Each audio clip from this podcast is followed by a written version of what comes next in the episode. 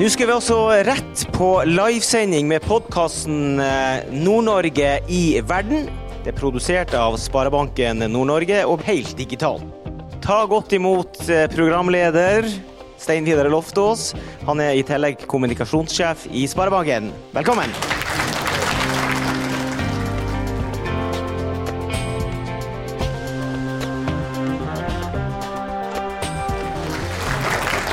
Veksten i Nord-Norge har vært høyere enn i resten av Norge. Det er den fortsatt. Og Så har vi noen flaskehalser. Vi har eh, kanskje noen flaskehalser når det gjelder infrastruktur. Noe når det gjelder eh, produksjonsnivåene. Man kan ikke produsere mer biomasse i merden enn det man har lov til. Man kan ikke ta opp mer enn kvotene tilsier. Og så har vi fått en helt spesiell flaskehals de siste årene, som vi har vært innom før i dag. Nemlig mangelen på folk. Hva er det som gjør at eh, folk ikke lenger vil bo i Nord-Norge, for å sette det på spissen? Hva vil konsekvensene av det være? Og hva kan vi gjøre for å motvirke dette? Der har jeg fått fire av de aller klokeste menneskene jeg kjenner til, i hvert fall, til å hjelpe meg å svare på. Så jeg syns dere skal ta vel imot statsminister Erna Solberg, NHO-sjef Ole Erik Almli, rektor ved UiT Norges arktiske universitet, Anne Husebekk, og konsernsjef Liv Ulriksen fra Sparebank1 Nord-Norge.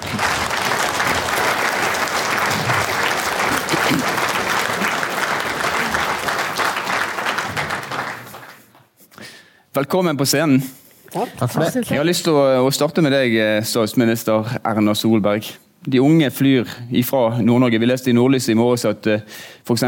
kvinner mellom 18 og 49 år, altså de som skal normalt sett produsere barn, de, har, uh, ja, de, har, altså de flyr i, i flokk sørover. 8000 færre enn for ti år siden. Hva tror du er årsaken til at uh, man velger å forlate denne landsdelen?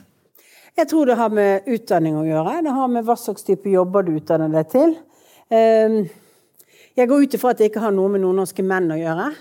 Eh, bare sier som bare som bunn at det ikke er derfor de reiser. Eh, her er jo et lite overskudd, så markedet bør være. Men det er, jo, det er jo noen sånne ting. Jenter tar mye utdanning. Og jenter utdanner seg. Og Norge har, altså på, på søndag er det 8. mars. Eh, og jeg var akkurat på universitetet, vi var i en liten samtale der uh, før jeg kom hit. Og da diskuterte vi jo annet det, det kjønnsdelte arbeidsmarkedet som gjør at kvinner utdanner seg til en type jobber som det faktisk er færre av i Nord-Norge. Mm. Og Vi har gjort noen ting fra regjeringens side på noen av de. For så har vi jo gitt ekstra mye bonus i nedskrivning av uh, studielån for uh, lærerstudenter til, uh, på barnetrinnet.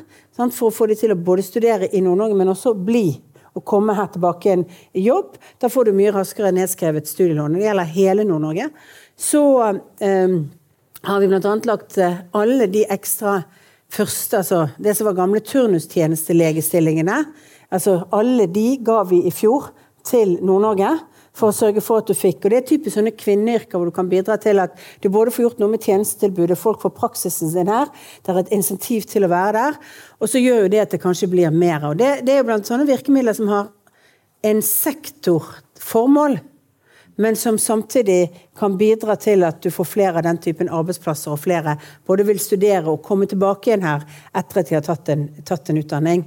Eh, fordi det blir mer attraktivt. Men det er litt av utfordringen. Jeg tror jeg eh, Jenter burde utdanne seg til litt andre jobber. Altså i, no, i, i Nord-Norge så burde man jobbe enda mer med mm. å få jenter til å velge utradisjonelt. For her er mer utradisjonelle jobber. Mm. For det er mye vanskeligere å komme tilbake igjen hvis ikke det finnes en jobb som passer til deg. Og det, det, du burde egentlig hatt mange flere jenter som ble motivert til å ta matematikk og realfag. Alta kommune gjør faktisk ganske mye på matematikk, og jeg håper vi ser resultatene fremover. Men eh, Når vi snakker om utdanning, Anne Husbekk, rektor ved UiT, universitetet med det lengste navnet i verden, som jeg bruker å si. eh, aller først, ser, ser har du, dere Har du hørt om Ås? universitetet med det nest lengste navnet i verden. Aller først, Ser dere en nedgang i, eh, i antall søkere til utdanning, høyere utdanning i Nord-Norge? Nei, vi har ikke sett eh, nedgang. Det var en liten nedgang i 2019. Men hvis vi ser liksom eh, trend de siste årene, så har det vært jevnt stigning i antall primærsøkere. Men det er bare én parameter. Så skal de faktisk akseptere plassen, og det aller viktigste det er at de skal fullføre utdanningen. Og det er mange, mange steg eh, hvor de kan falle av. Jeg er ikke så bekymra for om unge mennesker velger å studere utenfor landsdelen hvis de bare kommer tilbake. Så vet vi at de som studerer her, de blir her. Og 64% av de som tar en gradgivende utdanning på universitetet, eh, kommer fra Nord-Norge.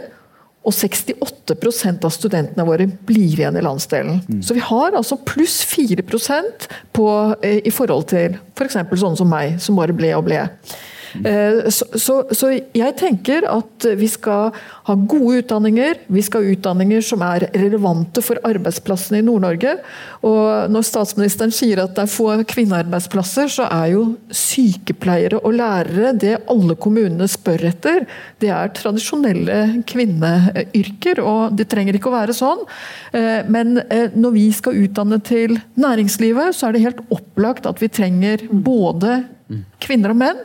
Og vi trenger både de som utdanner seg her, og de som har utdannet seg sørpå for å komme nordover. Og Der har kommunene selvfølgelig et stort ansvar. Du skal få kommentere, Erna, men jeg må bare, siden du nesten bringer det opp helt på egen hånd. Jeg snakka med hun som er leder i Norges Sykepleierforbund, Lill Larsen, for noen uker siden. Hun ja. sa Nord-Norge trenger 3000 sykepleiere de nærmeste årene. og Det er halvparten av alt som, som, som skal utdannes i Nord-Norge. Hvordan i verden skal man klare å matche den balansen her, da? Nå er det jo regjeringen som lager eh, måltallene for sykepleierutdanningen. Og vi når måltallene i Nord-Norge. Det er det ingen tvil om. Vi utdanner nå 400 og noen, det skal bli 500 eh, per år. Men jeg tror det må ses i sammenheng med at vi også jobber med helseteknologi. Her i Alta har vi en sånn smart leilighet som flyttes, kommunen flytter inn på campus. Vi må se på mange ting. Og på det store, brede universitetet jeg leder, så er det mange eh, studieretninger og forskningsmiljøer som må hjelpe til med, med å, å, å, møte sykepleierbehovet i fremtiden. Mm. Min, min replikk var bare at ja, det er mange kvinneyrker, og det er mye rettet mot offentlig sektor. Men veksten i nord kommer til å bli dratt av privat mm. sektor. Mm. Av konkurranseutsatt sektor. Eh, ja, vi, og det er det som kommer til å gjøre om stedene blir attraktive eller ikke. Mm. Det er ikke offentlig administrasjon som kommer til å gjøre Nord-Norge attraktivt. Det er det at du har lønnsomme arbeidsplasser i privat mm. næringsliv. Da, og så må du ha en offentlig sektor som følger det. Mm. Og da er det litt dumt hvis vi ikke utdanner jenter godt nok til å nå Absolutt. Men, det, men dette er jo en kulturting. Vi må jobbe tidlig med det. Mm. Og så jobbe med å gjøre attraktivt realfagene realfagene, gjøre attraktivt yrkesfagene. Kjempeviktig. Sørge for at jenter også har lyst til å gå på båt. Være, være villmarksguide. Altså en av de tingene vi har gjort som jeg har stor tro på, som ikke er her, men som er på Svalbard, vi har etablert en folkehøyskole. Litt for å ta har mer enn nordmenn på Svalbard, mm. men de skal bl.a. drive på med å utvikle altså, friluftsliv. Fordi at i Norge i reise, jeg tror jeg kanskje mange fra reiselivet her vil si, det er litt for få nordmenn som er reiselivsguider, altså sånn på villmarks og på tur og ute. Veldig mye nederlendere av en eller annen merkelig grunn som har forelsket seg i noen. Det er ingenting galt med de, og det er sikkert fint. Men jeg bare sier at vi må, ha, vi må bare ha en litt sånn bevisst holdning om hva vi løfter mm. fremover. Ja. Mm. Men Ole Erik, mm det vi ikke kommer vekk ifra, det er at befolkningstallet går ned. Mm. 2019 det verste siden 1997. Netto nedgang på nesten 2000 mennesker. Og Du representerer en haug med bedrifter, både små og store i Nord-Norge. Mm. Hva forteller de deg om denne utfordringen?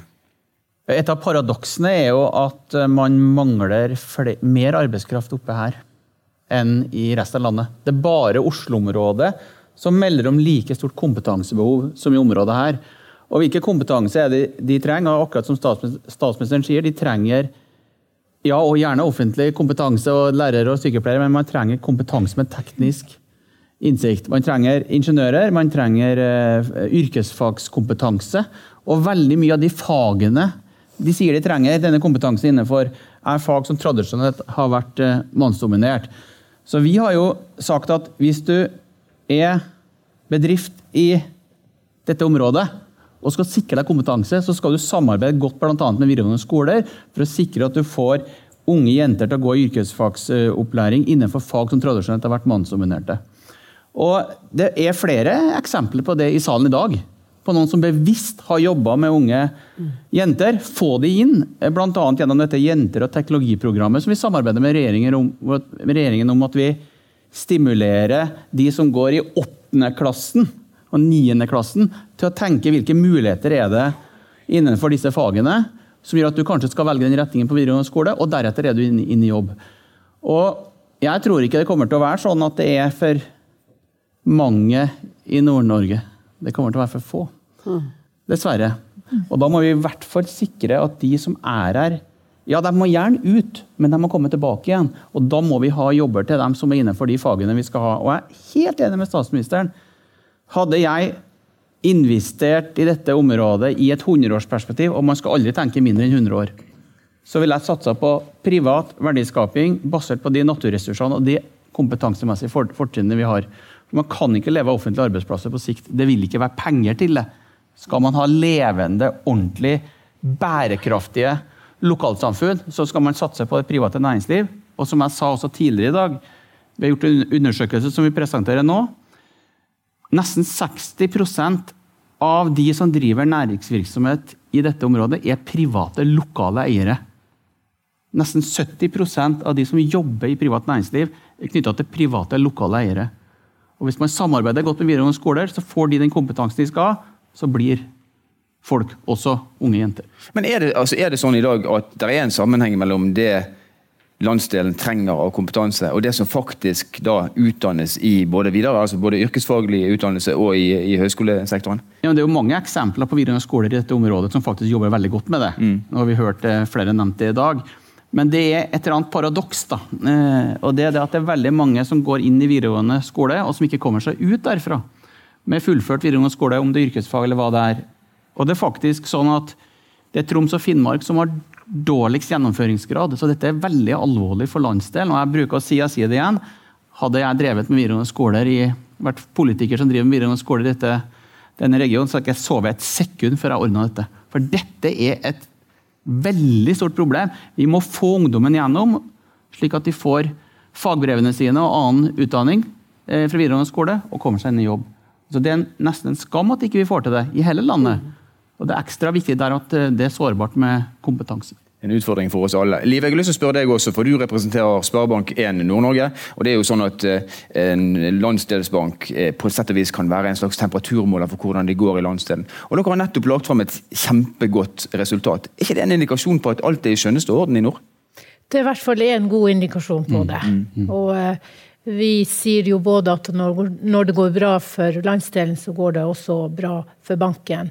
Hvis du spurte meg om vi kjenner på at det er for lite arbeidskraft og for lite folk, så skal jeg være litt opptatt av å si at vi kjenner det ikke på oss akkurat nå, men vi hører flere og flere kunder som sier at det er et potensial som vi ikke helt klarer å ta ut enda, og de, det er flere som sier det nå enn tidligere. Mm. Og vi har forsøkt å påpeke det både gjennom Konjunkturbarometeret og også Agenda Nord-Norge, at dette er en problemstilling som kommer imot oss. Mm. Og jeg tror vi må bare eh, erkjenne ja, den kommer imot oss, og den kommer sterkere og sterkere. Mm. Jeg tror bedriftene de har jobba godt, de har levert gode resultater, så de fleste vil si ja, vi klarer oss. Det går som det suser. Vi er faktisk opptatt av å tjene penger hver eneste dag, og det får vi til. Og folk er travel, så det er også noe rundt hvor mye skal vi bekymre oss over det som vi ikke rår med akkurat nå, for nå mm. går det bra. Mm. Men vi kan likevel ikke la være å ta det litt innover oss, for det kommer. Du, du sysselsetter 900 mennesker over hele landsdelen. Hvordan er det med rekrutteringen til Sparebank1 Nord-Norge? Går det greit, eller er det mangel på folk der òg? Ja, det er et litt uh, tosidig bilde. Eh, I takt med sentralisering, som vi kanskje skal snakke mer om.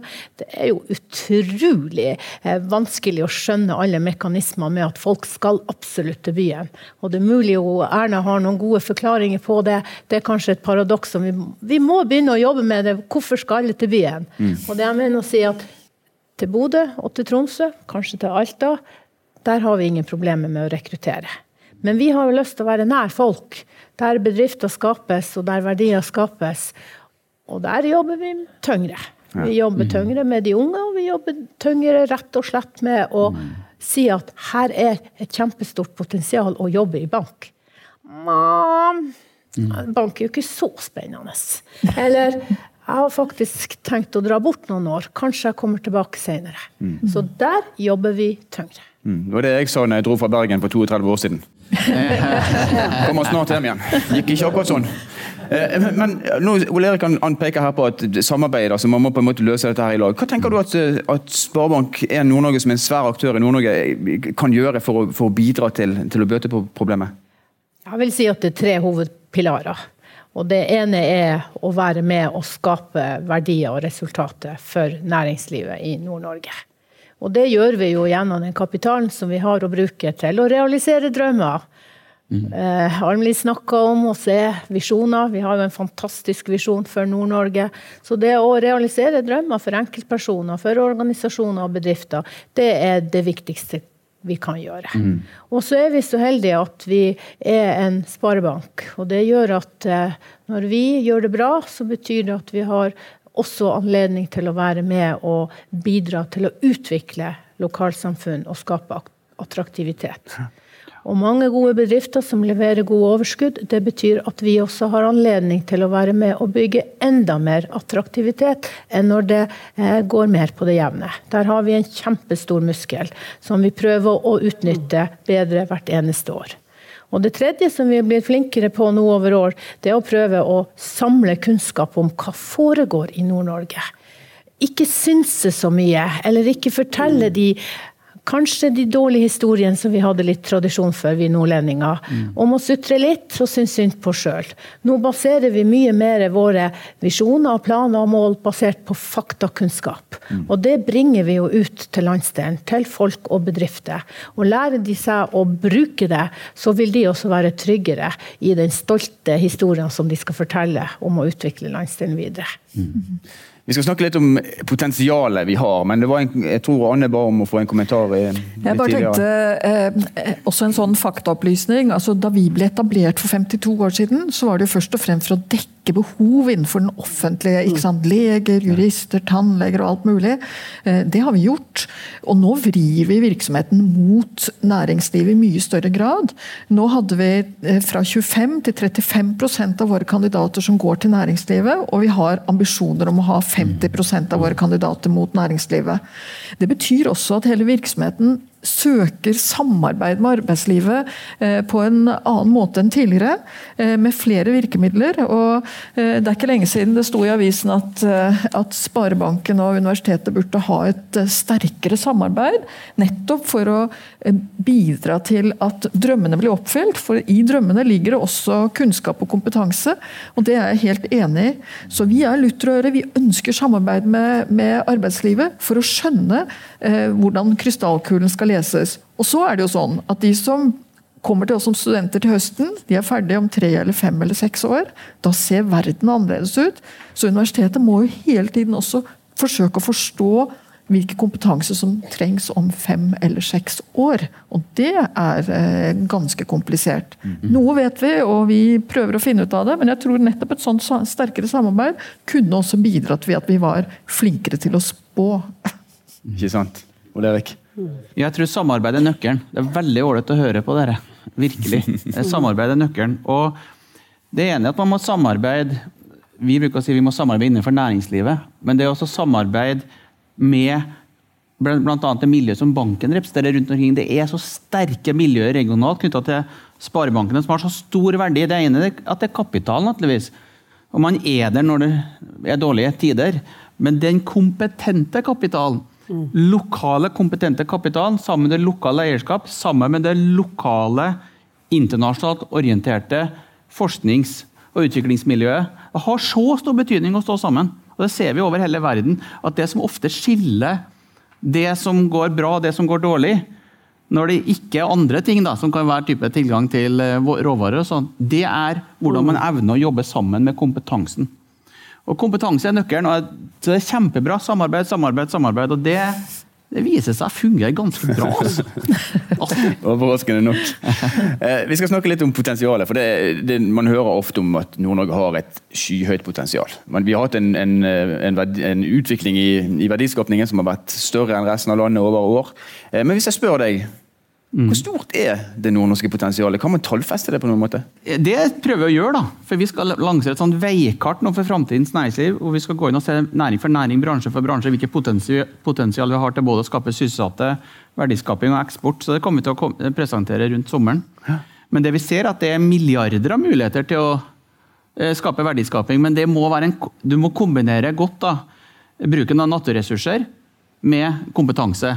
Derfor så må vi tørre også ha en diskusjon om hvordan vi bruker naturressursene. Ja, det skal være veldig bærekraftig, vi skal gjøre det ordentlig, men vi må bruke naturressursene til å skape arbeidsplasser. Og så må vi gjøre det i en sirkulærøkonomisk og klimaøkonomisk perspektiv. Men det er naturressursene som gjør at vi er her. Og Det der det er store muligheter. Så jeg, vil si, så jeg klarer ikke gi deg noe tall nå, men, men det er enorme muligheter. Ja. Det er enorme muligheter. Vi skal fø verden med mat. Der har vi fisken. Vi skal skape masse opplevelser med reiseliv. Det var ikke herlig å høre på de som satt på scenen her. Snakk om det. Fantastisk. Vi skal ha kraft, og det har vi. Og vi skal ha mineraler til å løse utfordringer, bl.a. med elektrifisering. Masse muligheter. Så skal vi bruke vinden til å lage kraft i tillegg på toppen av det. Og så er det litt diskusjoner rundt det, men vi må stå samla om det. Ja, Hva som må til Hva som må til for å utløse dette? Ja, Det ene er at man må passe på at man ikke stenger bruken for naturressurser. Da. Man må være litt mer rolig i den debatten, og der syns jeg faktisk det har gått i feil retning. Og Der er det litt langt unna. Det er av og til at jeg opplever innenfor det jeg bruker å si T-baneverden, da. den verden som bare hvor det går an å ta T-bane, den verden er litt langt unna her. Det er litt for mange som ikke forstår verdien av å bruke naturressurser. Skal ikke sitte i Oslo og bestemme hvordan de er oppi her. Det er bare tull. Der er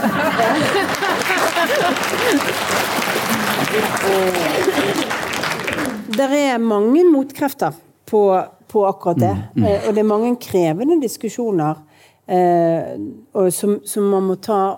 Og så er det mange Og så tar det veldig lang tid. Sant? Jeg er jo fascinert over hvor lang tid det av og til kan ta. Det er det ikke bare pga. det offentlige, det er også pga.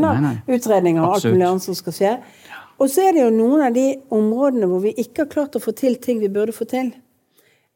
På 90-tallet så lå Universitetet i Tromsø og i og for seg helsemiljøet der først i linjen på telemedisin. Eh, og det var masse flotte prosjekter, og vi snakket om akkurat det samme som vi snakker om nå. 25 år etterpå.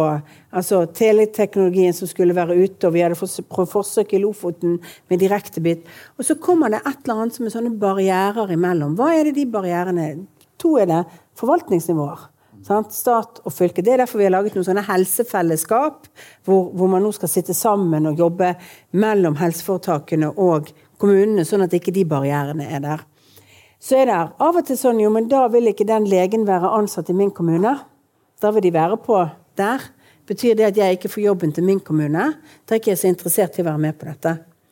Sant? Litt sånn, og dermed så stopper det som i den biten kunne også bidra til en næringsutvikling, hvor man faktisk kunne ha bidratt med mye større næringsutvikling på, på, på typer eh, systemer og utstyr. Mm. Så av og til så blir vi, hver enkelt av oss fatter våre egne, altså vårt eget formål blir så høyt satt opp at vi ikke ser ringvirkningen av det andre. Og det gjør staten noen ganger, det gjør kommunene noen ganger. Og så får vi ikke de synergieffektene som f.eks. skulle gjøre at vi f.eks. Får, får utløst noe i næringslivet og aktivitet. Og det, altså jeg sier, det er noen av de tapte mulighetene jeg har sett, fordi jeg var veldig begeistret. Jeg har vært mye på telemedisin, jeg, både på 90-tallet og begynnelsen av 2000-tallet. Og så har jeg liksom bare sett hvorfor kom ikke det videre? Og det er, det er fascinerende hva vi kan, for, det, for det, vi har mye potensial. Og det samme ser jeg litt liksom så Vi har snakket masse om potensialene i sjømatnæringen utenom på en måte oppdrettslaksen. Som på en måte er et stort maskineri. Det går, vi må passe på bærekraften. Men hvor mye klarer vi nå liksom å få frem de nye tingene? De nye medisinene, de nye stoffene, de nye andre tingene som det også var stor dynamikk rundt. Og vi må rett og slett plukke hva er det som er problemet. Er det kapitalen? Er det måten vi har organisert oss på? Er det, sant? Altså, er det, er det sånn at vi forsker frem gode ideer, men vi klarer ikke å bære det frem til næringsvirksomhet? Sant? Er det, så vi, vi har nok noen ting som vi ikke er gode nok på totalt sett i sam, sameksistensen her. Altså. Men er det, er det grunn til å tro, eh, statsminister, at vi ikke må nok altså Vi har jo penger til alt mulig, vi har ikke arbeidsledighet, og ting går jo som, som de griner nesten uansett. Eh, Og nød lærer naken kvinne å, å, å spinne. Er det det at ikke vi Vi har ikke presset på oss, er det det? Ja, eller at vi må huske at det må være en gründer og privat kapital som bærer frem en idé. Ja. Det offentlige gjør aldri det. Ja. De kan bidra og gi penger, men når det offentlige gir penger til en gründer gründer, privat, så er det grådig mange prosjektgründere Det er også min erfaring. De som har veldig mange gode prosjekter, men som egentlig ikke har kapital eller mulighet til å løfte det. Sånn vi må huske liksom, at vi tror staten og det offentlige, også fordi staten og det offentlige er så rike. Det er en av grunnene til at jeg er veldig altså, Vi må aldri undervurdere betydningen av at det finnes privat kapitaldannelse. Og formuesskattedebatten altså Jeg hører sånne opplegg om at formuesskattelettelser er skattelettelser til Oslo vest og Bærum, fordi der er det flest mennesker som har penger. Men det rammer jo først og fremst distriktsnæringslivet. Ja. For det er jo de som har det overskuddet som de skulle reinvestert i bedriften, eller overskudd som de kan reinvestere i andre bedrifter. Det er jo de som rammes først og fremst av dette. Fordi at alle de andre putter det jo inn i ulike store mekanismer og tar høyde for det i aksjekapitalen sin. Så det er litt sånn, vi må, vi må være klar over hva er det som skaper ny næring. Og det er arbeidskraft og ideer, og så er det kapital. Ja. Det skal du få kommentere på. Og så kan jo Sparebanken selvfølgelig finansiere alt, men jeg er ikke sikker på om dere gjør det heller. Hun skal få lov å kommentere på dette. Men uh, Anne først, og så uh, Ole Erik. Ja. Jeg syns det er eh, interessant denne debatten om hvordan Nord-Norge skal se ut i fremtiden. Jeg har jo flere ganger sagt at jeg syns ikke vi skal ha en fisk ut av denne landsdelen uprosessert. Jeg mener at vi har et stort potensial både til å lage bærekraftig prosesseringsindustri, og, og sånn er det med mange andre næringsstoffer også. Så er det sånn at utlandet eh, begynner å se veldig sterkt til Arktis. Og hva er det som er best i Arktis? Jo, det er jo Nord-Norge. Nord-Norge er jo et eksempel på et Arktis som er vel utviklet, tett forbundet med resten av verden. Eh, Og vi jobber nå med et stort prosjekt sammen med to internasjonale aktører med stort format. Harvard Kennedy School, EPFL-universitetet i Sveits, om et Arctic Resilience Accelerator er, eh, det, er tittelen. Det vi skal gjøre, det er å forsøke å oversette forskningsresultater til eh, produkter, innovasjoner, eh, som et arktisk investeringsfond tar videre. Ikke bare til Arktis, men with a global impact, som vi pleier å si. Det er sånn som jeg- mener er eh, kjempespennende. Stort potensial, fokus på Nord-Norge. Vi står i bresjen for en kjempespennende utvikling. Ole Erik Fullfart. Ja, det er spennende å høre. Og tilbake til statsministeren sa. Som sagt så skal vi presentere en måling om dette med privat eierskap. Og distriktskommunene har et større andel private eiere enn bykommunene. I distriktskommunene er det ca. litt over 70 av verdiskapingen som kommer fra private eiere. Hvis vi tenker at de eierne er de som først genererer arbeidsplasser rundt seg, og det gjør de, for de er der, og mange har vært der i generasjoner, så må de få lov å beholde, beholde kapitalen sin. Og takk og lov for at de tjener penger. Og de pengene må de sette i ny virksomhet rundt seg. Det da har du rotfestet jobbskaping. Jeg støtter statsministeren helt på det, og da kan vi ikke la formuesskattdebatten dreie seg om en eller annen som kjører en eller annen fin bil et eller annet sted i en firefelts vei. Den dreier seg faktisk om hardtarbeidende private eiere i mange små og mellomstore bedrifter i byer og bygder. Ja, men veldig mange bygder. Så Der må vi gi dem muligheten til å, re, til å reinvestere den kapitalen i jobbskaping ute, sammen med bankene, naturligvis, men sammen med, og sammen med universitetet. Ja, dere peker begge to egentlig litt indirekte på eh, finansnæringen. og jeg har lyst til å spørre deg, Liv, for Den siste uken så har eh, din organisasjon blitt utsatt for litt sånn eh, skråskudd fra spesielt reiselivsnæringen, der de sier at banken ikke er villig til å ta risiko, og det hindrer vekst. Er Sparebanken Nord-Norge til hinder for vekst i Nord-Norge? Nei, det håper jeg virkelig ikke. Eh, Så Ikke skal, så skal, vi ha, så skal vi ha stor respekt for at eh, det er ikke alle prosjekter vi heller finansierer. Ikke alle. Eh, Det er viktig for oss å Sånn som vi prøver å få til. Vi sier vi skal utvikle den nordnorske egenkapitalen. Ja. Og vi skal være med å utvikle lønnsomme bedrifter. Lønnsomme bedrifter er den viktigste garantien for at det skapes verdier over tid.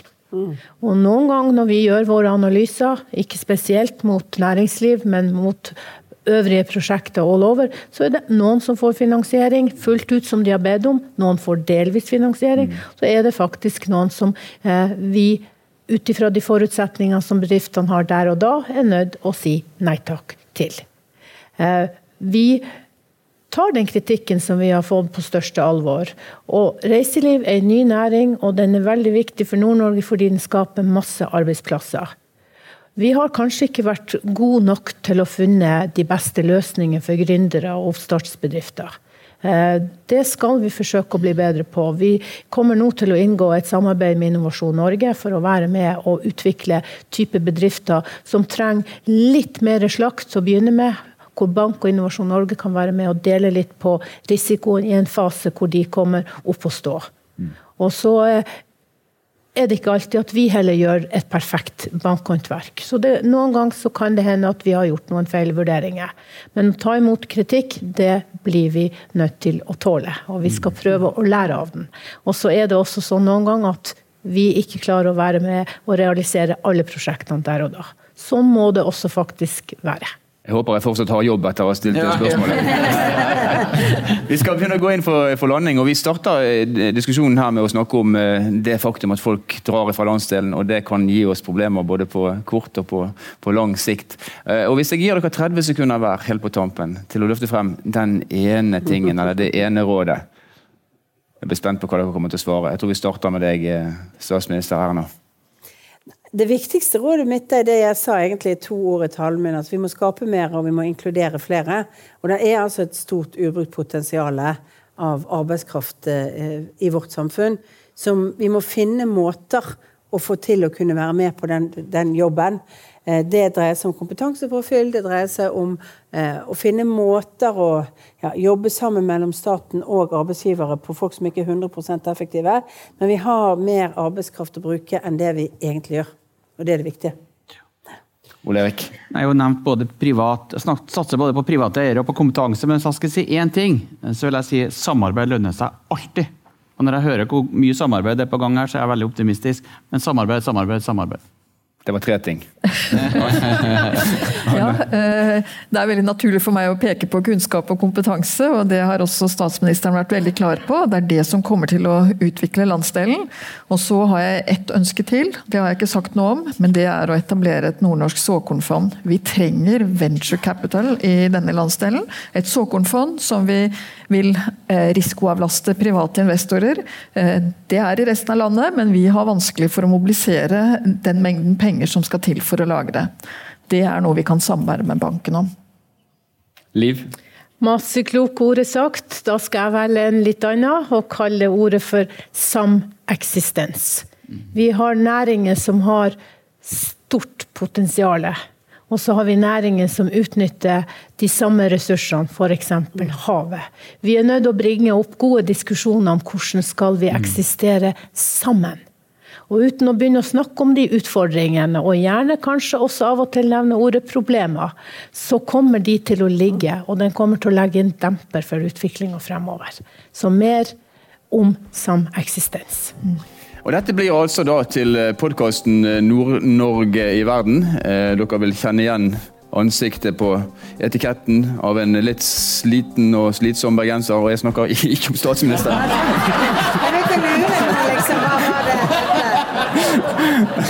Og til, til dere Det har vært en fryd å snakke med dere. Tusen takk, Erna, Ole Erik, Anne og Liv. Applaus til dem.